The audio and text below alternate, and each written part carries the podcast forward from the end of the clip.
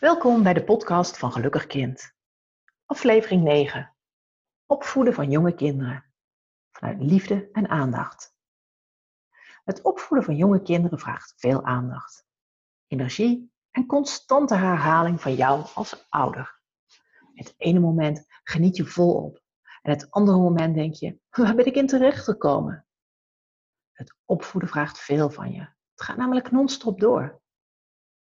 Opvoeden leer je van je eigen ouders of uit boeken.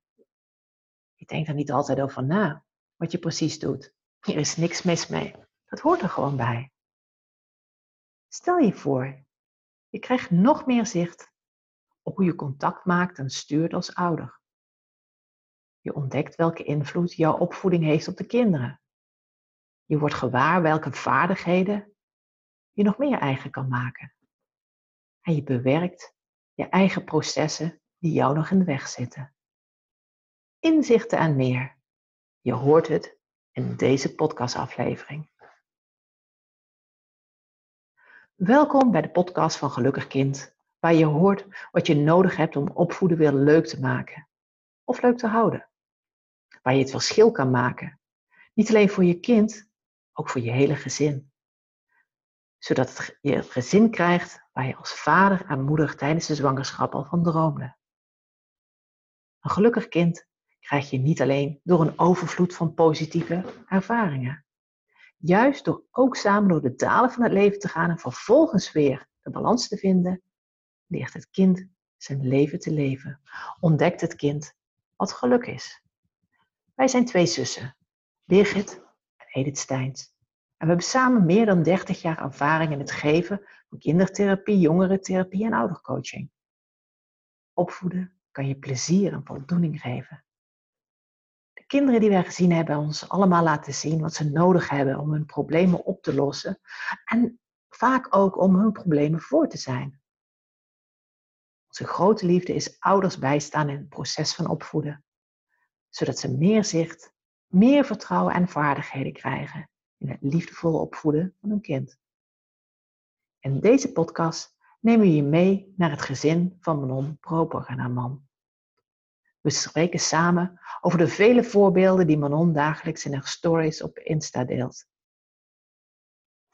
Van haar vijf kinderen en van haar hele gezin. Hoe ze ondanks de drukte toch iedere keer weer de balans kan vinden met vijf kinderen van zes jaar en jonger. Voorbeelden die voor iedere ouder herkenbaar zijn. Heel veel luisterplezier. Aflevering 9 opvoeden van jonge kinderen vanuit liefde en aandacht. Wat hebben jonge kinderen nodig van ouders? En we gaan in gesprek met een moeder ehm, van een tweeling en een drieling. We gaan in gesprek met Manon Proper, moeder van vijf uh, kinderen, tweeling uh, Bas en Julie. Die zijn zes, hè? Ja. En Hanna, Vee en Cecile van vier jaar. Zeg ik het goed? Ja, heel goed. Nou, aan de hand van verschillende opvoedthema's ehm, willen we het met jou hebben, Manon, over uh, wat je eigenlijk allemaal al van nature doet in de opvoeding uh, van jouw kinderen. Ja, leuk. Ja, leuk. Ja, leuk. Ja. leuk dat jullie me hiervoor gevraagd hebben. Ja, nou ja, wat, wat, wat het eerste eigenlijk wat in ons opkwam was, um, als je vijf kinderen hebt, uh, kan je eigenlijk niet anders dan ze behoorlijk ruimte ook geven. Want je kan niet overal uh, mee bezig zijn bij de kinderen. Je moet ze ook loslaten en je moet ze ook hun dingen laten doen waar ze mee bezig zijn. Want jij kan niet met vijf kinderen tegelijkertijd bezig zijn. En zeker niet in de leeftijd die ze hebben, zes en vier. Dus je hebt eigenlijk in, in twee jaar tijd uh, vijf kinderen gekregen. Nou, dat zijn er, dat zijn er een boel. Ja, klopt. Bij, uh, en onze vraag is eigenlijk van, uh, hoe doe je dat eigenlijk? Hoe laat je ze, hoe geef je ze de ruimte?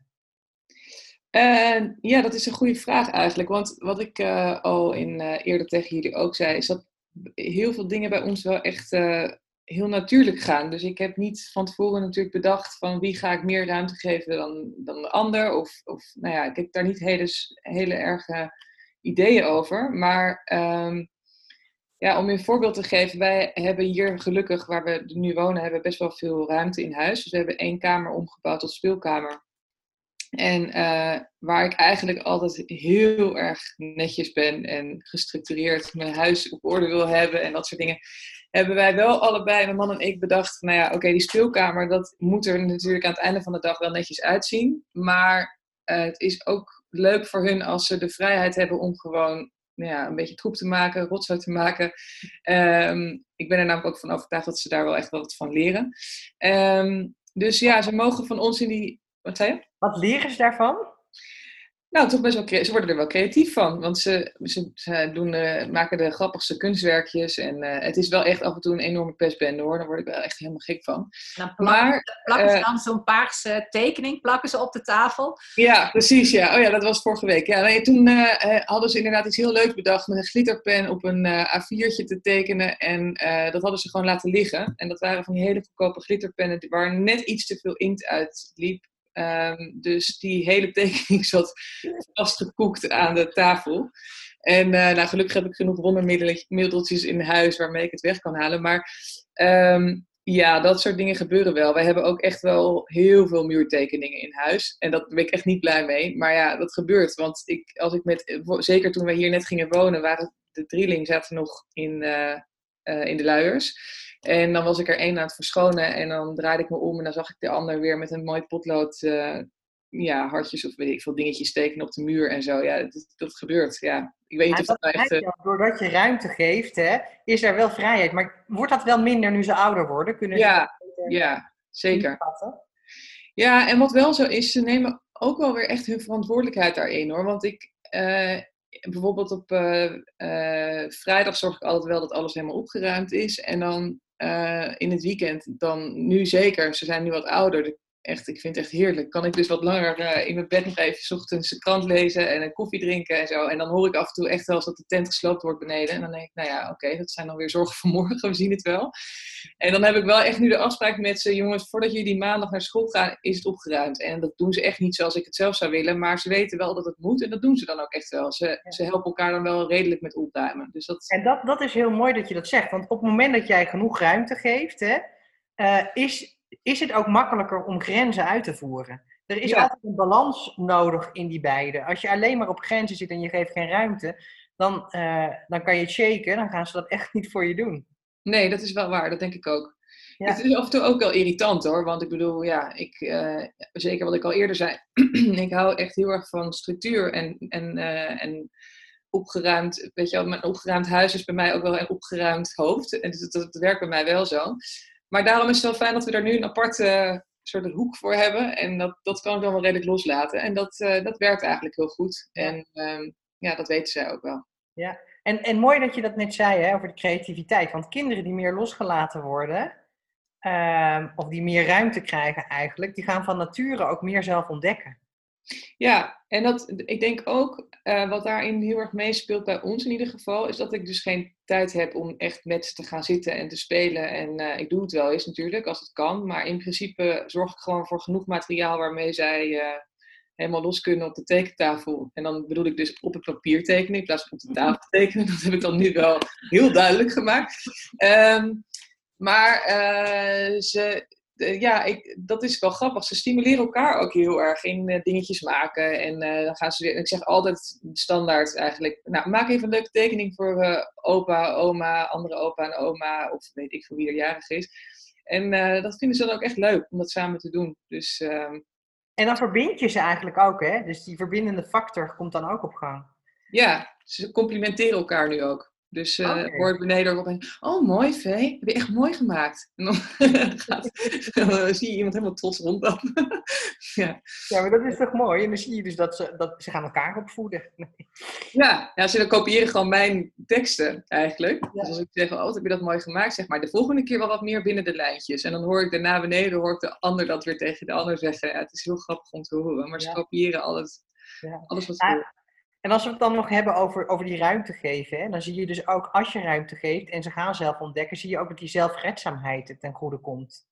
Ja, dat denk ik ook wel, ja. Want wat ik ook zie bij jou, als ik op, op uh, je, je stories zie, zie je ook gewoon dat, je, dat de kinderen ook zelf hun schoenen aantrekken, zelf proberen. Uh, ze proberen veel zelf. Herken je dat? Uh, ja. ja, soms is het wel grappig wat je dat zegt. Want ik heb, mijn man en ik hebben het hier dus wel eens over. Want wij juist ook allebei bijvoorbeeld s ochtends uh, uh, dan snel naar school moeten en alles. Dat ik dan echt kies voor de makkelijke weg ook wel. Dat ik soms denk, nou, hup, ik doe even al die schoenen aan en dan gaan we snel naar school. En dat heb ik ook best wel lang gedaan. En op een gegeven moment dacht ik, ja, dit slaat eigenlijk nergens op. Want ja, ze moeten toch ook zelf kunnen. Maar dan nog steeds, nu heb ik wel daar ook voor bedacht. Ik, ochtends doe ik het. Of tenminste, probeer ik in ieder geval. Nu hoeft het niet echt meer. Maar tot een half jaar geleden deed ik het gewoon echt. Iedere ochtend deed ik het aankleden en dat soort dingen. En nu ehm, kunnen ze dat wel wat beter. Dus dan mogen ze het zelf doen.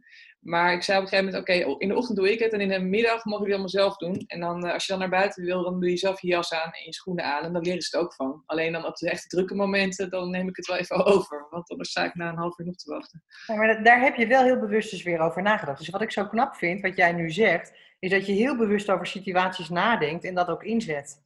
Ja, voor dit soort dingen wel, ja. Dat is gewoon puur omdat het voor mezelf makkelijker is ook hoor, ben ik eerlijk in. Maar ook omdat het nodig is met vijf kinderen. Ja, ja, dat Als is jij ook echt twee kinderen hebt, is het veel makkelijker om, om de deur uit te gaan. Ja, nee, dat is ook zo. Dat is echt een wereld van verschil. Echt, toen ik de tweeling had, dacht ik, wow, het is wel echt even aanpoten. En ik schaamde me gewoon echt voor die opmerkingen toen ik de drieling had.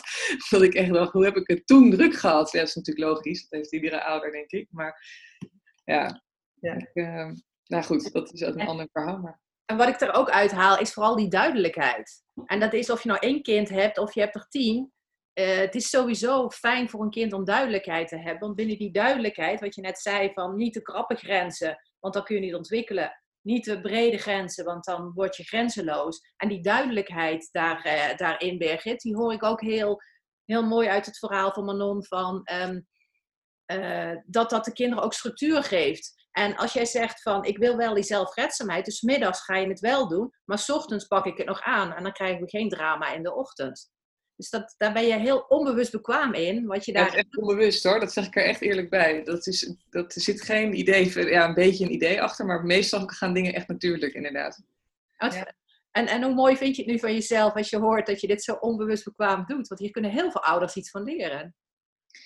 Ja, dat is heel leuk om te horen eigenlijk. Ook omdat ik, eh, ja, ik, ik, ik- ik vind het grappig eigenlijk om te horen, want ik, eh, ik denk er gewoon niet zo heel erg over na, over mijn eigen opvoeding. Nee, dat klinkt trouwens heel raar. Ik denk natuurlijk wel na over wat ik graag wil bereiken in mijn opvoeding, maar niet zozeer dat ik bij alles wat ik doe denk van, oh ja, dit is handig of dit is goed of zo. Ik denk vaak gewoon na, wat is, wat is op dit moment, wat, wat wij allemaal nodig hebben om zo snel mogelijk te bereiken wat we willen of zo. Ja, het is een beetje, klinkt een beetje zweverig, maar dat is waar het om gaat bij mij.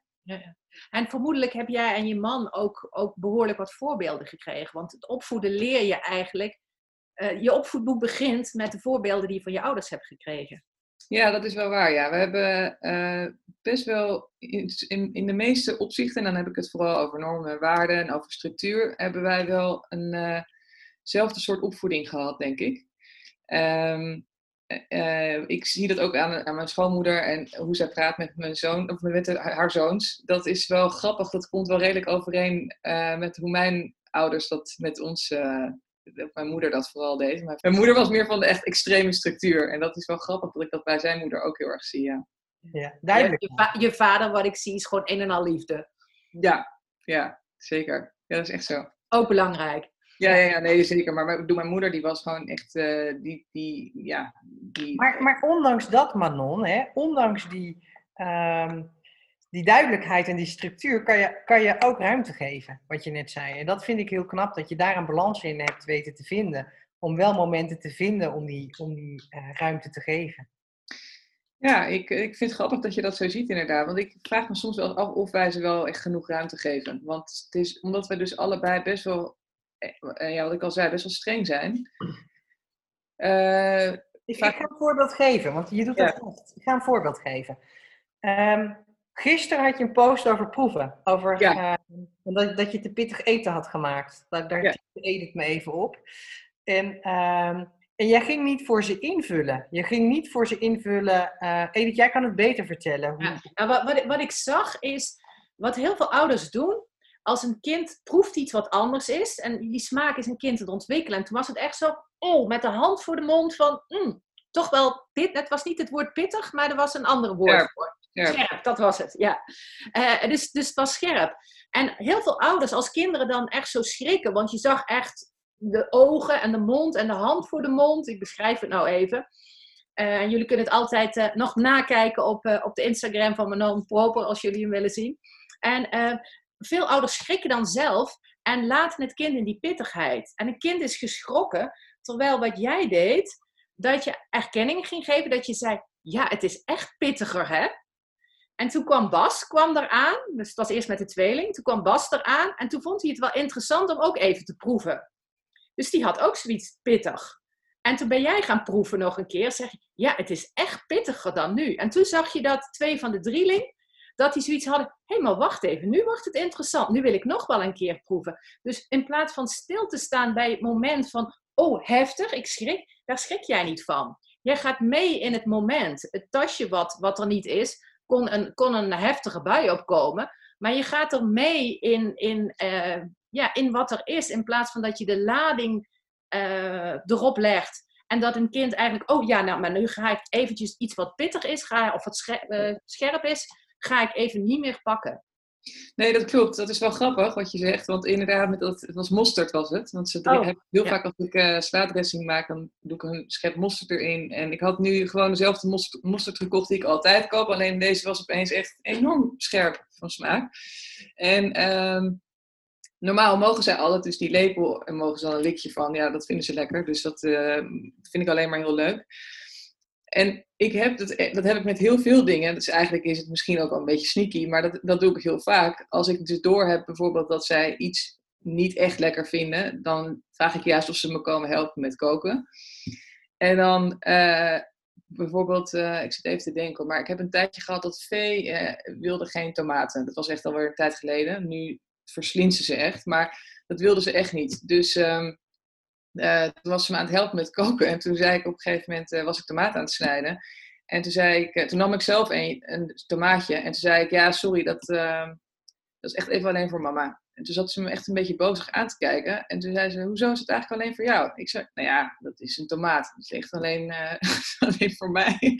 En toen zei ze, ja, maar mama, ik wil het misschien toch wel even proberen. Toen dacht ik, nou oké, nou probeer het maar. Maar ik denk dat je het niet lekker vindt, joh. Ik denk echt dat je het niet lekker vindt. En toen nam ze dus de tomaat en toen zei ze, van, ik vind het eigenlijk wel lekker. En toen, ja, toen dacht ze van, nee, dat is eigenlijk interessant, want dat vind jij dus ook lekker. En uh, dan heeft ze opeens iets speciaals. Dus nu, nou ja, uh, op die manier, zij vechten nu echt om tomaten. Nu vinden ze dat natuurlijk opeens allemaal heel lekker. En dat was met die mosterd gisteren ook. Ik zei, ja, dat is wel heel scherp, maar oh, wat is dit lekker zeg. En dan zie je ze inderdaad echt kijken van, oh ja, het is inderdaad echt heel interessant om het lekker te vinden. En dan gaan ze nog een keer eten, nog een keer. En nou ja, nu vroegen ze dus om nog een extra likje. Nou ja, het is wel heel grappig hoe dat gaat. Maar uh, ik... Eigenlijk, hè, doordat jij geen lading erop legt, doordat jij helemaal...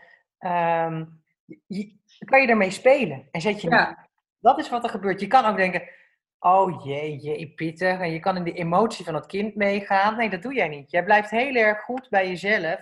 En laat je niet verleiden om in die emotie mee te duiken van die ander. Nee, dat is wel echt zo. En ik probeer dat ook met andere dingen te doen. Bijvoorbeeld nu eh, met corona, dat wij dus niet uh, met kerst uh, naar, naar Nederland kunnen. Of dat mijn ouders, die zouden, vorig jaar waren zij hier. En ja, dat is natuurlijk allemaal heel vervelend dat we elkaar er niet kunnen zien. Maar ik probeer echt te voorkomen dat we echt enorm opgeslurpt worden in die negatieve spiraal. Weet je wel? Dus ik zeg ook elke keer, ja, dat is natuurlijk jammer, maar weet je, hoe gezellig is het dat we er nu allemaal lekker thuis zijn? En, uh, uh, en ook wel weer heel spannend, want dan gaan we volgend jaar gaan we naar opa en oma toe. En dan, um, en dan, uh, dan is het nog leuker, want dan is het weer lekker weer, ik noem maar wat. Ik probeer er altijd een beetje een positieve draai aan te geven. En dan zie je ze ook echt denken van, oh ja, nou, het is wel jammer, maar uh, het valt ook eigenlijk wel mee. Terwijl als ik inderdaad alleen maar zeg, ja, erg hè, ja, nee, het is echt vreselijk dat we opa en oma niet kunnen zien en de andere oma en de andere opa, ja, dat wordt niks. Ja, ik denk dan alleen maar, ja, je maakt het verhaal alleen maar erger voor kinderen en die gaan inderdaad dan, die zien het nog groter dan wij het zien. Dus ik probeer dat wel een beetje kleiner te maken. Nou ja, het is, het is een, een van onze motto's ook, een kind is een kind omdat het nog geen volwassene is. Ja, kind heeft een hele andere beleving, andere hersenontwikkeling, moet nog die smaak waar we het net over hadden, moet nog ontwikkelen. En, en dus jij, wat ik zie is, is jij laat het kind kind zijn en tegelijkertijd um, ga je als volwassene erbij staan, zodat je het kind nieuwsgierig maakt om iedere keer dichter bij die volwassenheid te komen op het eigen tempo. Ja, ja, dat is wel grappig. Hoe je het, ja, dat is een beetje denk ik wel wat het uh, idee erachter is. Ik heb er, zoals ik al eerder zei, zelf niet zo'n heel beeld bij, maar uh, het is leuk om het zo te horen. Ja, ik denk dat jij van nature gewoon een aantal eigenschappen in je hebt zitten, um, die heel uh, zorgen dat je heel natuurlijk kan opvoeden. Dat is wat ik. Wat nou, ik denk wat heel belangrijk is, is dat ik niet echt veel stress heb in mijn leven. In mijn leven. Maar ik, ik, heb nooit zo snel ervaar ik stress. Zeg maar. Dus dat scheelt heel erg. En dat heeft mijn man gelukkig ook. Ja. Dus waar andere mensen wel eens bij ons thuis kwamen toen we net drie baby's hadden gekregen en nog twee peuters hadden, die zaten echt soms met grote ogen naar ons te kijken en die, ging, die renden echt de deur uit. Ja, wij hadden allebei uh, dachten echt, nou ja, zolang iedereen gewoon een flesje krijgt en ze zijn gezond, dat is het belangrijkste natuurlijk dan komt het wel goed. En ik denk dat dat heel erg uh, helpt, ook in dit soort situaties. Als je gewoon zelf geen stress hebt. Dat is hetzelfde wat je net zegt, berusten in situaties dat het is zoals het is. Hè? Ja, ja. Armer. Ja. En, en dat kun je ook moeilijk als, als ouders jou vragen op Instagram van, van hoe je dingen doet, kun je ook moeilijk verwoorden, want daar, daar zit je in. En dat is ook een attitude. Wat wij ook zien, is dat het, het opvoeden begint bij jezelf. Jij, jij bent de tool en jij bent het middel. En als bij jou die stress zit, dan werkt dat ook weer door naar het kind. Ja, dus en dat merk ik heel erg hoor. En hier thuis ook. Want ik heb natuurlijk ook wel eens dagen die ik dan. Uh, dat ik uh, echt uh, snel alles moet doen en iedereen loopt achteruit en ik er echt gek van word. En ik merk gewoon, zodra ik dat laat zien, is het echt hek van de dam. Want dan gaat iedereen tegen draads doen, dan is het meer huilen. Dan, ja, dan merk je dat echt aan alles eigenlijk. Ja dus ik moet ook echt wel mezelf erop op wijzen van, oké, echt doe rustig aan, want het werkt niet. Weet je, het werkt averechts. Het heeft geen zin. Hoe dan? Hoe zet je die emoties dan opzij? Hoe doe je dat? Je eigen nou ja, de ene keer lukt het beter dan de andere keer natuurlijk. Maar over het hmm. algemeen uh, ja, kan ik ook wel gewoon soms eventjes bijvoorbeeld dat kruis in de auto, wat jullie waarschijnlijk online ook vaak gezien hebben, dat ik uh, zit mee te doen. Dan denk ik, ja, ik maak er maar een beetje een grap van. Want het is natuurlijk ontzettend irritant als je in een auto zit en er zitten vijf kinderen keihard door elkaar heen te krijsen. Ik, ik, heb gewoon af en toe echt mijn trommelvliezen. Daar heb ik gewoon last van. Dus um, ik, uh, ik denk dan altijd van ja, ik kan nu heel hard naar achter gaan schreeuwen, jongens, hou ermee op. En dat gebeurt zeker ook heus wel eens. Ik bedoel, ik ben geen uh, heilige boon en ik ben ook af en toe echt wel heel erg boos. En dat maar hoort er ook niet. Bij, ja, dat, hoort er gelukkig bij. Ja, ja, nee, ben, het zou raar zijn als ik dat niet zou hebben. Maar ik denk dan heel vaak van, ze zitten allemaal vast in een riem. In principe kan er niet heel veel gebeuren. Ik moet gewoon vooral op de weg letten. En, uh, en ik denk ook heel vaak, het is ook eigenlijk wel heel grappig. Je zou met, je zou met vijf kinderen ongeveer tegelijk geboren worden. Nou, in ieder geval is twee jaar tussen die twee. Maar, en dan allemaal wil je hetzelfde vertellen, wat je hetzelfde hebt meegemaakt op school. En je wil allemaal hetzelfde liedje meezingen. Je hebt allemaal hetzelfde gegeten op school. En je wil allemaal vertellen wat dat was. En ja, je kunt maar één voor één iets gaan vertellen. Ja, dan begrijp ik wel dat er wat frustratie af en toe uitkomt. En ik vind het eigenlijk heel grappig soms. En kan er maar beter soms een beetje de humor van inzien. Dat is, ja... Mooi. En dat vind ik leuk om te zien bij jou. Dat zie ik ook. Dus wat jij doet is elke keer relativeren. En een soort erboven hangen, een soort helikopterview nemen. En kijken wat er gebeurt. En, en die humor zie ik eigenlijk ook terug in, jouw uh, in jouw post die je plaatst. En hoe je met de kinderen omgaat. Ja, ik denk wel echt dat de humor ons echt op de been houdt hoor, trouwens. En zeker niet. Wat ik, wat ik, wat ik zo'n leuk voorbeeld vond, is dat die meiden die gingen op, uh, op de foto. En, Met die jurkjes. En jij had die, jij had die uh, jurkjes in de wasmachine liggen. En die meiden die bleven maar volhouden. Je moet, de juf had gezegd dat je met een jurkje op de foto moet. Maar dat jij, wat ik zo mooi vond aan jou, je gaf ze een, de emoties mochten er zijn, je gaf ze erkenning. Maar je gaf ze ook een wereldbeeld mee, dat je ook met een trui op de foto kan. En wat ik leuk vond, is dat je daar ondertussen ze wel heel serieus nam. Dat je zei, ja, we hebben maar één jurk. Dat is eigenlijk ook niet handig. Het is veel handiger als, je, als we nog een extra jurk hadden. Dus je gaat met ze in gesprek op hun niveau. Uh, met hun emoties, maar je geeft dat wereldbeeld weer mee. Wat Edith net al zei, je maakt ze ook wat ouder daarin. En je leert ze eigenlijk dat ze een volgende keer, want volgens mij heb je toen ook nieuwe jurkjes gekocht, klopt dat? Klopt, ja, klopt. En het leuke is dat je ze dus ook serieus neemt in wie zij zijn. En, ja. uh, en alles, mag, alles mag er dus eigenlijk zijn, maar je relativeert wel. Ja, dat is inderdaad wel waar, ja. Ja, dat met die jurkjes, dat was inderdaad echt een vrij groot drama eventjes voor ze. Ehm, Wij maar hebben er heel erg om moeten lachen. Ik vond het heel Ja. leuk om te zien. Ik ook en mijn man ook. En eh, soms dan, eh, mijn man die kleedt ze dan ochtends vaak, dan leg ik de kleren klaar en eh, hij kleedt ze dan vaak aan. En, eh, en dan hoor ik, som, hoor ik boven al gegil, omdat er dus dan een trui ligt. En dan hoor ik hem zeggen, ja, maar die is hartstikke mooi. Dat is een oude trui van Bas. En dan wordt dat ding echt aangeprezen alsof het de allermooiste trui op aarde is. En dan komen ze vervolgens beneden. En dan zeggen ze, mama, tada! En dan zeg ik, nou, wat heb jij een mooie trui aan. En dan lopen ze dus helemaal trots de school in. En dan denken ze, nou ja, zie ik heb het eigenlijk heel goed voor elkaar. Dus ik probeer er wel een beetje zo'n draai aan te geven. Ja. Maar, Ja. Die- ja, wat- wat, je doet, je, draait, je geeft, probeert geen draaien aan te geven. Je, je, je levelt eigenlijk op kinderniveau. De emoties mogen er zijn. En vervolgens geef je ze een wereldbeeld mee hoe het ook anders kan. Ze Ja. leren daardoor zelf ook te relativeren in het leven.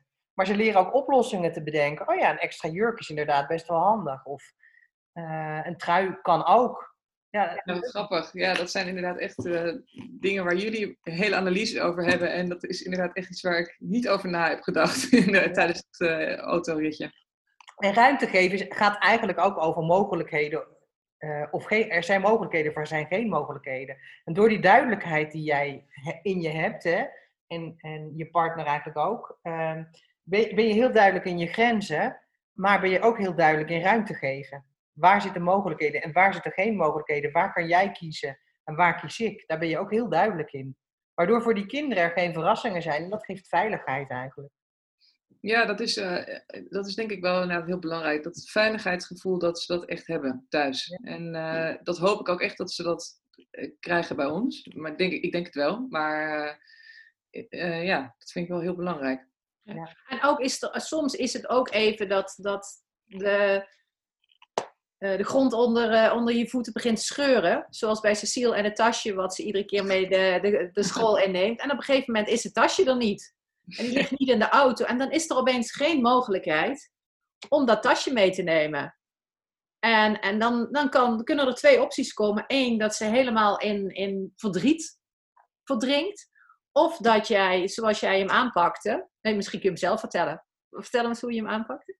Eh, ja, ik zei. ehm, eh, ik weet. Oh ja, ik zei. eh, eh, ja, Cecile, tasje, dat. ehm, nee, dat gaan we. Want de dag daarvoor had ze hem ook, was ze hem ook vergeten. Maar toen lag hij in de auto. Dus toen begon er. En was er een hel bij. En toen zei ik van. Oh, nou kom, we gaan kijken in de auto of hij er ligt. En toen hing hij daar. Ik dacht het al te herinneren dat hij er hing. Dus dan liep ik ook terug.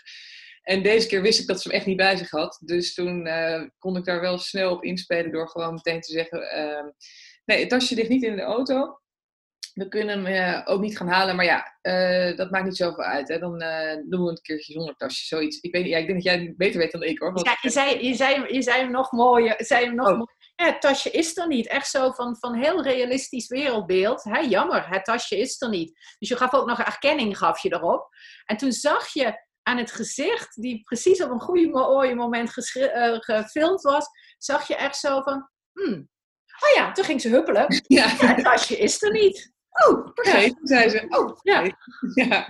Ja, het is wel heel grappig hoe dat, eh, hoe dat gaat. Dus je kunt het drama echt zo groot maken als je wil, ook als ouder hoor, denk ik, met dit soort dingen. Precies. En Ja. dat, dat is juist waar jouw kracht ligt. Je kan of helemaal in die emotie meegaan, of je kan ook relativeren, maar wel de emotie serieus nemen. En Ja, dat is ook wat ik bij jou zie, is dat je elke keer de goede reden van het kind ook eh, blijft zien. Ja, dat is wel grappig inderdaad. Dat, dat probeer ik onbewust inderdaad wel, ja. Dat, eh, dat klopt wel. Ik weet nog, dat, ik weet nog, en daar moest mijn dochter, met mijn dochter zaten we op een gegeven moment op jouw Insta te kijken. Daar hebben wij zo om gelachen, dat klepje in de auto. dat ze op een gegeven moment ruzie kregen aan welke kant van de auto ze moesten gaan zitten. Veel ouders zeggen dan, nou niet zeuren, jij zit hier, jij zit daar. En ze hadden het over een klepje die heel fijn was, want daarom wilden ze op die plek zitten. En jij gaat wel in op die goede reden die ze hebben om op die plek te zitten. En uiteindelijk ziet iedereen ook de lol ervan. En jij gaat zelfs nog zoeken naar dat klepje en wat het dan voor een klepje is. En je komt erop terug. Dus je stopt die emotie niet weg of die goede reden, maar je gaat het aan en, en je communiceert met ze erover. En dat zorgt ervoor dat er, uiteindelijk minder eh, gedoe over is. In het moment zelf is dat er wel natuurlijk. Ja, ik heb zelf echt heel hard gelachen daarom. Omdat het gewoon om zoiets onbenulligs ging. Die auto is in mijn ogen gewoon een soort symmetrisch. Maar er zit dus blijkbaar een verschil. Aan de ene kant zit een klepje inderdaad in een soort bakje. Ik weet niet eens wat het is. En aan de andere kant zit dat klepje er niet. Ja, dat is natuurlijk een heel interessant klepje. Dus dat, dat heeft een hele lange tijd, heeft het op mijn Instagram kwam dat iedere keer terug. En mensen stuurden mij daar ook echt berichten over. Van hoe is het met het klepje? Zijn er nog ja, zijn er nog veranderingen? Wat is er gebeurd? Dus het was voor mij ook wel heel grappig. Dat is overigens ook wel heel leuk, omdat ik het dus film en andere mensen het ook laat zien, kom ik er ook, ik zie zelf de humor ervan in, omdat het mijn eigen kinderen zijn. Maar ik vind het ook dus heel grappig als ik daar dan bericht over krijg van andere mensen die dus helemaal in een deuk liggen om het klepje. Dus dat stimuleert natuurlijk ook wel weer om er nou ja, om er nog een keertje, om het dan nog een keer te filmen als het weer ter sprake komt. Iemand anders zou inderdaad misschien denken, hebben we het weer over het klepje, weet je wel. Maar ik kan er dus wel om lachen dat het dus bij hun in hun hoofd echt een enorm belangrijk ding is. Ja, dat is bij kinderen zo. Maar ben je daar bewust van dat jij eigenlijk heel erg afstemt op die kinderen op dat, op dat level? Zonder dat je er een oordeel over hebt. Dat je, ja, ja, nee, ik heb, ik heb er echt helemaal niet uh, verder over nagedacht. Maar ik vond het gewoon, uh, ja, ik vind het dan dus wel grappig om achteraf. Mijn man zei over, hebben ze nou de hele tijd over dat klepje, joh? Wat ik zei, ja, ik ga morgen op onderzoek uit. Dus ik heb het klepje gevonden en uh, ook maar gewoon meteen vastgelegd. dat was het meteen duidelijk. ja.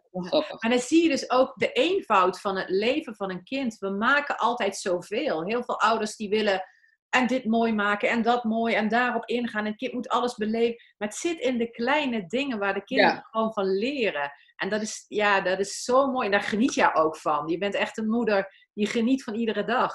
Ja, dat probeer ik wel echt te doen. En het, het is wel grappig wat je zegt, want het komt ook omdat wij zoveel kinderen hebben in zo'n korte tijd. En dus ook echt niet makkelijk even de deur uit uh, kunnen.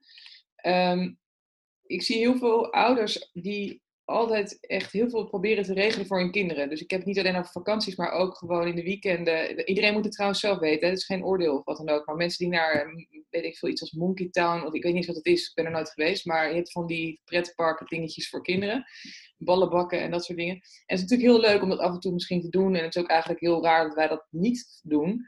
Maar um, ik vind het dus heel belangrijk dat ze thuis, dat de basis thuis is. Dus dat je niet als het altijd het huis moet ontvluchten om eh, iets te gaan doen. We hebben ook in een heel klein huis gewoond, dus ik weet waar ik het over heb. Ik bedoel, het is nu een groot huis, dus dat is makkelijker. Maar zelfs in een klein huis vind ik dat je... Dat, ja, kinderen moeten het ook gewoon doen met wat ze hebben thuis, denk ik soms. En dat is um, uh, wel grappig om te zien dat, uh, dat zij het nu ook steeds nog meer gaan waarderen. Dat als we dan thuis zijn met z'n allen, dat ze dat ook echt leuk en fijn vinden. En terwijl we dan eigenlijk de hele dag niet veel doen. Ja, zij doen heel veel met knikkerbanen maken en dat soort dingen.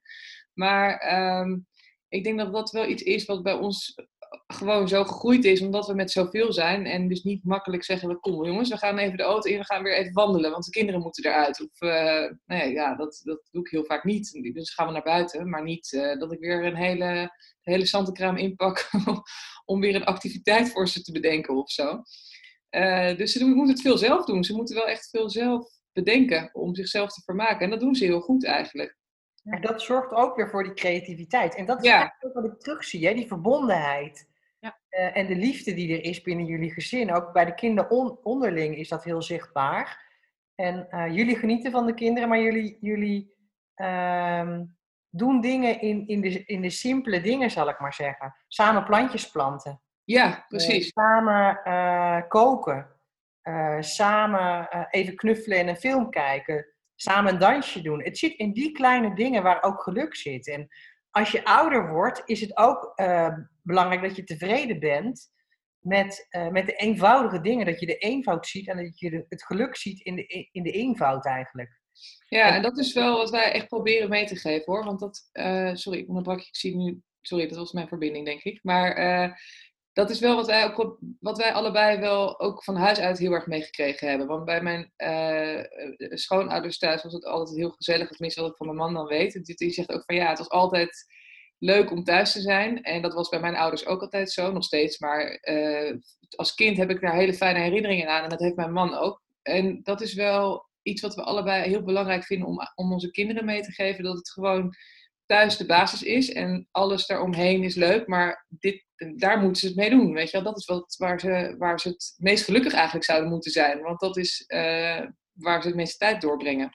Ja. Ehm, En, en, dan- en dan kun je zelfs dat jullie hebben, zijn op vakantie geweest naar Nederland vanuit Hongarije en twee keer autopech gehad. Nou, dat is Oh, nog ja. wat met, eh, met vijf kinderen. Maar zelfs dan ook nog een, een verbondenheid creëren en, en, en toch nog zorgen ja, dat je het zelf met elkaar doet en dat je daar zelfs ook nog leuke dingen uit kan halen. Dat kun je creëren als je dit, deze attitude hebt. Ja, dat hoop ik wel. Ja. En dat is ik echt wel, daar heb ik wel echt over nagedacht. En mijn man gelukkig ook. Dat we dat, daar liggen wij ook wel heel erg op één lijn. Dat we dat echt belangrijk vinden. Dat eh, dat, dat, dat thuis is. Maar. Dat ze, eh, ook omdat wij in het buitenland wonen. Want het is natuurlijk best heftig als je gewoon eh, van een hele ja, vertrouwde omgeving ergens anders heen gaat. Dat ehm, wij allebei echt dachten van oké, het huis, dat is het belangrijkste. Het moet gewoon een fijn huis zijn waar we ons allemaal in thuis voelen. En eh, dat iedereen zijn, eh, in die kamertjes het idee hebben van oké, we zijn thuis, weet je wel. In plaats van we zijn in Hongarije in een raar huis terechtgekomen of zo. Dat, eh, dat was voor ons wel heel belangrijk. En dat is, dat, dat is duidelijk, dat ze dat allemaal zo voelen ook. Want ze vinden het heerlijk hier. Ja, wauw. Nou ja, en, en als ik dan weer verder ga, we hebben het er over meerdere dingen hierover gehad, dat voorbeeldgedrag, hè, wie jij in essentie bent als mens, eh, draag je eigenlijk over op je kinderen. 70, 80 procent van de opvoeding is voorbeeldgedrag. Dus eigenlijk wie jij bent, eh, worden voor 70, 80 procent, zeker in die jonge jaren, eh, gaan ze je kopiëren. Als jij kan relativeren, kan Cecile ook relativeren met zijn tasje. Met Ja, haar tasje bedoel ik. ja, Dus dat is heel mooi om, ehm, ja, om dat te beseffen als ouders. En we hadden het net over die autopech van, nou ja, prachtig, het oplossend vermogen bij jullie is groot. Dus het oplossend vermogen van die kinderen wordt daardoor ook ontwikkeld. En ehm, nou ja, kan je kort aangeven, nou je hebt het eigenlijk al aangegeven, hoe jij in het leven staat. Heel erg relativeren, duidelijkheid, eh, ruimte geven. Ja, dat, dat, dat draag je over. En als je ja baan het. En als je een baaldag hebt, probeer je hem te keren, ben je daar wel heel erg bewust van. Ja, dat zeker. Eh, het gebeurt ook niet zo heel vaak hoor. Want ik heb, ja, weet je, zolang, dat is echt een, ontzettend cliché. Maar zolang iedereen gewoon gezond is, vind ik dat ik ook echt niet echt een reden heb om te klagen. Weet je wel, ja, er zijn altijd wel dingen die even niet lekker lopen. Maar eh, weet je, zolang je relatie goed is, denk ik, en iedereen is gezond, dan kun je ook maar gewoon denken van, nou ja, oké, iedereen heeft wel eens een dag dat het even niet lekker gaat. En zeker als je in het buitenland woont, dan zijn er echt wel eens dingen dat ik denk, "Pff, weet je, dat echt eh, niks lekker gaat en die spreek, ik spreek de taal niet. Dus ik ik heb echt wel eens frustraties soms overdag. Maar dan denk ik ook wel eens, nou ja, goed, als dat het is, dan eh, komen we daar ook wel weer overheen. Maar je omarmt, je omarmt eigenlijk je negatieve emoties die er zijn. Daar ga je Ja, niet wel een beetje, ja. Ja, zijn er en dan verdwijnen ze weer en je kan weer verder. Ja. ja. Want dat is eigenlijk ook wat je bij de kinderen doet. Hè? Je hebt respect voor ieder kind en respect voor, eh, voor hun, hun kinderwereld eigenlijk. De emoties mogen er zijn. En uiteindelijk weten jullie het ook te keren met elkaar. Ja, dat is wel de strekking. Dat is wel zeker zo, ja. Dat is de strekking van het Ja. verhaal. Ja, mooi om te zien. En- en wat je daardoor eigenlijk doet, hè, is eh, de eigenheid eh, en in dat zelfvertrouwen vergroten jullie op een natuurlijke manier. Dat is wat ik zie. De zelfredzaamheid is er.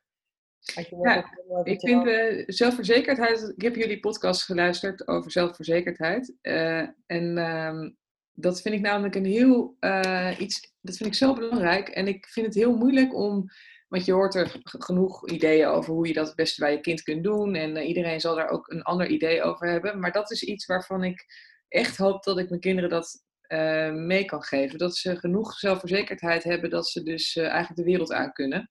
Klinkt een beetje overdreven, maar ik denk wel dat daarmee, als ze dat hebben, dan komen ze zo, kunnen ze echt een eind komen in het leven. En, ehm, en dat is, vind ik best lastig eh, soms, want ik denk wel eens van ja, doe ik dat eigenlijk allemaal wel goed? Weet ik veel, ik heb geen idee, ik doe ook maar wat soms, weet je wel. Dus, eh, ik heb er geen hele idee over hoe je dat voor elkaar moet krijgen. Maar ehm, eh, tot nu toe denk ik dat het, aardig lukt hoor. Maar het lijkt mij een enorme uitdaging als je dus oudere kinderen hebt. Omdat ook, zeker als ze naar de puberteit gaan, dan veranderen ze natuurlijk allemaal heel erg. En lijkt me, dat lijkt me wel een enorme uitdaging. Daar zie ik af en toe wel, zit ik daar wel eens over na te denken, hoe ga je dat doen, weet je wel? En dan met vijf die allemaal in die leeftijdsfase zitten, ik vind dat best heftig. Maar, maar Manon, je legt nu de basis. De eerste vier jaar leg je eigenlijk de basis voor de rest van hun leven. Ja, Dus- Ehm, ik weet dat mijn man een keer zei van wij besteden wel meer tijd aan onze kinderen dan andere mensen. En dan meer in, in, ehm, in samen dingen doen, in aandacht. Ik zeg, maar dat jonge, jonge kinderen, hè, Birgit? Hm? Dan heb je het over de jonge kinderen, hè? Tot, toen ze jong waren. 4, 5, 6 jaar, ja. Toen zei hij, ehm, beloof je me, en ik zei, maar dat krijg je terug in de puberteit. Beloof je me dat? Ik zeg, ik beloof het je. Oh, echt? In de puberteit. Ik zeg, en? Ja, je hebt gelijk gehad. Oh ja? Wat ja, die basis leg je, die leg je nu. En je hoeft alleen maar in die puberteit een beetje, nou, nog meer ruimte te geven. Je hoeft steeds minder op te gaan voeden, want ja, ze moeten toch zelf die verantwoordelijkheid pakken.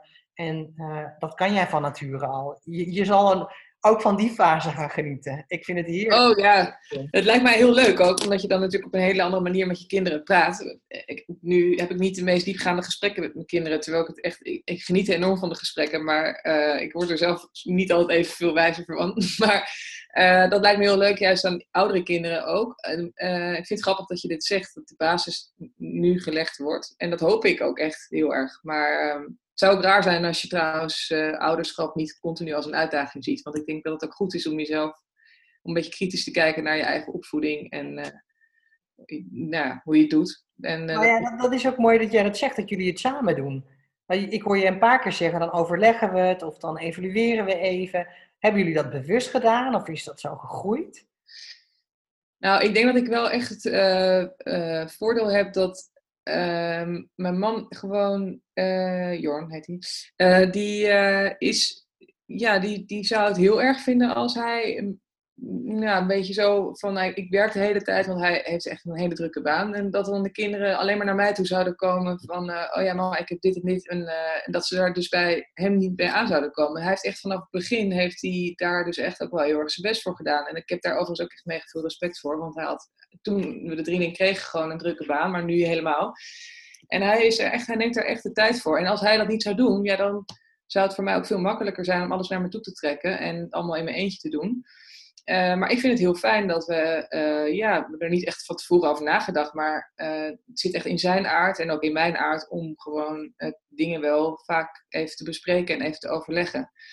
En ik denk echt dat wij, wij hebben samen kunnen we allebei echt, we kunnen echt heel hard lachen om dus filmpjes terugzien op Instagram. En hij zit dan op zijn werk en dan ziet hij natuurlijk ook wel eens tussendoor dat hij even te kijken wat ik gepost heb. En dan stuurt hij ook een berichtje omdat hij dat eens gezien heeft en echt keihard kan lachen om, om uh, de kinderen. Dus hij, ja, hij is zo betrokken. Um, uh, dat, ja, dat gaat vanzelf wel eigenlijk, dat we daar samen, dat we dit samen doen, toch? Ja. En dan zie je dus al die facetten die we besproken hebben, dat, dat, dat leidt gewoon eigenlijk ook tot een positief zelfbeeld bij de kinderen. En ja, dat denk ik wel, ja, ja, ja. En het is ook wel grappig om te zien hoe, uh, hoe wij tegen elkaar praten, dat, uh, dat de kinderen dat ook over gaan nemen. Dus die zien eh, dat je een leuke relatie hebt en dan zien ze dus dat, jij, dat je elkaar knuffelt of wat dan ook. En dan gaan ze dat ook bij elkaar doen en... Uh, ze vinden het ook heel normaal dat, dat, uh, dat wij elkaar leuk vinden. Dus dat is ook wel grappig hoe ze dat meekrijgen. Ik denk dat dat ook wel heel belangrijk is. Ik bedoel, ja, niet iedereen heeft het zo voor het kiezen natuurlijk. Maar het is wel grappig om te zien wat voor effect dat op de kinderen heeft. Ze, zijn echt soms, zie, vooral als een Julie, die natuurlijk jonge meisjestweeling zijn. Die praten echt met elkaar alsof ze soms al jaren een relatie hebben. Dat is heel, klinkt een beetje raar, maar het is wel heel grappig om te merken. Die, uh, die, die zie ik dan, hoor ik opeens, uh, zegt Julie ja, ik heb op school heb ik, uh, nou, ik heb er echt zoiets vies gegeten. En dan zegt Bas, oh Jules, je kan ook altijd zo klagen over dat eten. Ik word er echt gek van. Weet je wel? Dat echt als een soort, ze een soort van man-vrouw relatie hebben. En dan uh, hij, ja, dat hebben ze zeker, ja. ja. Maar het is grappig om dat als ouders te zien. En dan aan de andere kant zijn ze ook weer super close met elkaar. En uh, ze delen alles met elkaar. Dus het is wel, het is grappig. Het is leuk om te zien hoe dat, uh, ja, kan niet zo goed nu een voorbeeld bedenken hoe zij ons nadoen, maar het is toch, zie je wel dat het een hele grappige kopieachtige band is. Ja.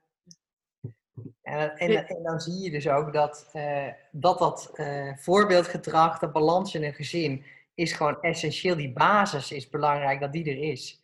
Ja. Uh, ik, ja. ik zie wel eens in mijn kindertherapiepraktijk heb ik een, een, een oudergesprek en dan zeggen ze, nou, dit lijkt wel relatietherapie, zeggen ouders dan. En dan zeg ik, ja, maar die basis is essentieel. Als jullie niet op één lijn zitten, je hoeft het niet altijd met elkaar eens te zijn, absoluut niet.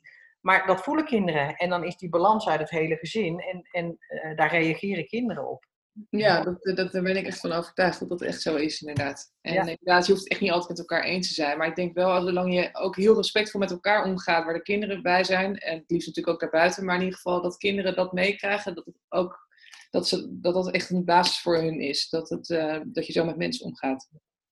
En die rust die jullie creëren daarin, is daar ook een hele belangrijke. Ja, ja dat, uh... ja, heel veel onbewust bekwaam die, eh, van dingen die we zagen en waar wij ja, zo van het genieten. Ja, het is zo leuk om te horen, maar het is ook echt heel, uh, sowieso natuurlijk heel uh, leuk om te horen, maar ook grappig dat het dus op die manier mensen naar filmpjes kijken die ik post. Want daar, heb ik toen ik hiermee begon natuurlijk niet echt over nagedacht. Al denk ik overigens, moet ik wel even heel duidelijk maken dat ik heel erg veel nadenk over wat ik post en wat ik niet post hoor. Want uh, mensen denken dat ik echt mijn hele leven online zet en dat valt eigenlijk heel erg mee. Het zijn juist die kleine dingetjes die niet echt weer heel erg belangrijk zijn in mijn ogen, die ik grappig vind om te posten. Uh, maar uh, ja, dat is zo grappig om te horen dat er dus hele analyses op losgelaten worden. maar Manon, als je, als je nu die, die podcast um, even terugkijkt waar we het over gehad hebben, hè? Wat, wat is hetgeen wat je het meest eruit haalt eigenlijk uh, nu? Ja, dat is, uh, um, dat is grappig dat je dat, dat, wat jij zegt over dat ik genoeg vrijheid geef, of wij, mijn man en ik dan, dat we genoeg vrijheid geven aan de kinderen. Want dat is iets waar wij zelf wel eens over nadenken van doen we dat eigenlijk wel, weet je wel? Omdat wij dus wel juist hele erge grenzen hebben in huis van wat wel en niet mag en uh, nou, waar, we wel en geen zin, waar we wel en geen zin in hebben en dat soort dingen. Um, dat, zou nog, dat is wel iets waar wij vaak over nadenken. En het is grappig dat het dus juist zo overkomt in ieder geval. Dat wij dus wel veel vrijheid geven. Want ik kan het ook niet echt vergelijken met andere mensen. Omdat ik niemand ken die in zo'n idiote situatie zit. Met zoveel kinderen in zo'n korte tijd. Dus dat is... Uh, nou, je, uh, je, ziet hem heel duidelijk van uh, ruimtevrijheid, waar we het over hebben. Zie je of een kind zich kan blijven ontwikkelen. En of een kind zijn emoties kwijt kan. En of een kind ja, de stappen kan maken die het nodig heeft. Als je daarin te krap rent in grenzen, ja, dan heeft het kind niet de ruimte om zich te ontwikkelen. Als het te groot is, dan wordt het grenzeloos en ja, dan krijg je ook heel veel frustratie en boosheid. Dus je ziet het aan de kinderen, aan de ontwikkeling van de kinderen, of ze voldoende vrijheid daarin krijgen. Ja, dat, uh, dat is grappig. Ik ga er ook eens een keer wat meer op letten. Op dat, ik, ik, heb er, ja, ik heb er nooit echt naar gekeken op die manier. Maar ik vind het heel grappig dat jullie dat dus vanaf een afstand kunnen zien. En uh, bij mij, dat vind ik heel leuk om te zien en leuk om te horen. Ja. En wat ik ook nog mooi vind, uh, Birgit, uh, ik, ik had me nog natuurlijk even gesproken voor, voor de podcast. Dat je ook met respect voor de kinderen, dat je ook zegt van ik ben bewust wat ik, dat zei je net ook een beetje, bewust wat ik post. En toen zei je van, ik denk er altijd over na, als mijn moeder dit van mij had opgenomen vroeger, zou ik er daar zelf tevreden mee zijn en blij mee zijn en het oké okay, vinden. Ja, ja, dat heb ik toevallig heb ik dat daarna na ons gesprek ook nog met mijn moeder over gehad. Want uh, mijn ouders die kijken ook naar Instagram. Ik bedoel, ik stuur ook echt wel dingen naar ze door. Maar het is voor hun ook een hele leuke manier om toch in contact te blijven met de kinderen. Want ze spreken ze wel, maar dat is toch weer anders dan dat ze zien wat ze overdag allemaal doen. En toen zei ik ook, wat is grappig, want je kwam nog ter sprake, zei ik tegen mijn moeder. Ik zei, want uh, ik denk daar dus heel vaak over na. Dan denk ik van ja, als ik naar dingen gewoon maar post... Um, die gewoon echt veel te persoonlijk zijn. Ook voor later niet leuk. Waar ze, weet ik veel, dat mensen zeggen: Oh ja, maar jij was degene die, uh, weet ik veel, noem maar wat, laatst zindelijk was of zo. Ik heb daar ook echt helemaal niks over geschreven. Want ik vind dat niet aan de hele wereld om te zien eigenlijk. En inderdaad, ik denk echt bij alles wat ik post, uh, denk ik echt wel na van: Oké, als mijn moeder dit over van mij online had gezet, dan was ik nu echt heel boos geworden. Weet je wel? Dus dat, uh, ik hoef er vaak niet over na te denken. Maar nee, ja, dat speelt wel mee. Ja. En ik denk dat dat, dat een, uh, ze zullen me heus wel af en toe denken van man, hoe heb je dat nou kunnen doen? Maar ja, zo is er altijd wel iets. Um, maar het zijn zulke kleine dingetjes die, de discussies die wij hebben of de, de dingetjes die ik film, dat zijn zulke kinderlijke dingen die elk kind wel heeft. Dus dat is ook het leuke daaraan, denk ik, dat veel ouders er dingen van herkennen van in hun eigen kinderen. Uh, en daarom vind ik het wel heel leuk om te delen. En zeker omdat het natuurlijk alles keer drie keer vijf is, is het nog grappiger eigenlijk. Nou ja, dankjewel dat je het doet. Ik, ik, ik denk dat je heel veel ouders uh, herkenning geeft. En uh, waardoor ze misschien ook wel, uh, en, en ook dat stukje relativeringsvermogen die je hebt, die je ze voorspiegelt. Ja, ik, ik, moest dus wel lachen, want ik kreeg laatst dat ik dat bericht gepost waarbij ze allemaal gillen waren in de auto. Uh, dat was op een K3-liedje wat Hanna in een soort uh, metal-versie uh, aan het meezingen was. Ik weet niet of je het meegekregen hebt, maar het was een erg... ze was zo boos dat iemand het liedje van haar overnam. Dus zij ging echt een soort gillend ging ze dat liedje zingen. En nou ja, goed, en ik deed het een beetje mee, ik zat mee te playbacken. En toen kreeg ik daarna ook berichten van moeders. En ik moet zeggen, ik lig soms helemaal in een deuk ook. Wat andere moeders mij dan sturen. Die zeggen, ja, sorry, maar ik was gewoon echt recht over de rotonde heen gevlogen. En ik, had, ik was helemaal gek geworden in de auto. En uh, ik had sowieso drie aanrijdingen gehad. En nou ja, nou, ik vind het dus heel grappig hoe mensen er naar kijken. En die zeggen ook, ja, ik ga het voor dan ook maar gewoon doen. Ik ga het ook maar gewoon een keer filmen. Gewoon omdat het ook best wel leuk is voor later, weet je wel. Dat ik gewoon dat beeld heb van hoe idioot die, die ritjes soms waren. En... Uh, ik vind het heel leuk om te horen dat mensen dat eruit halen. Ja.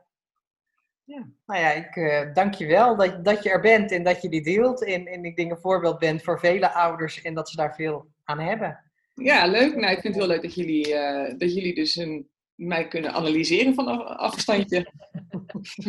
nou ja, analyseren. Ja, nou ja, ik denk hoe mooi jij met de kinderen afgestemd bent. Dat is heel mooi om te zien. Dankjewel en uh, wie weet, uh, tot ziens. Graag gedaan. Oké. Okay. Heel veel succes gewenst en tot de volgende keer. Super dat je weer luisterde naar de podcast aflevering van Gelukkig Kind. Ben je door deze podcast enthousiast geworden en wil je meer stappen maken? Dan hebben we veel moois voor je. Het boek De Opstapkaarten van Edith en Birgit Steins van onszelf Daarin lees je over de 23 meest voorkomende opvoedthema's, theorieën en krijg je speelse opdrachten mee om de kinderen te leren kennen en ze te begeleiden in hun ontwikkeling. Ga naar gelukkigkind.com en klik op onze producten. Wil je nog meer leren en opvoedadvies krijgen met jouw unieke situatie als uitgangspunt? Dan kan je gebruik maken van de online oudercoaching. Vele ouders zijn je voorgegaan en hebben balans gevonden in hun gezin.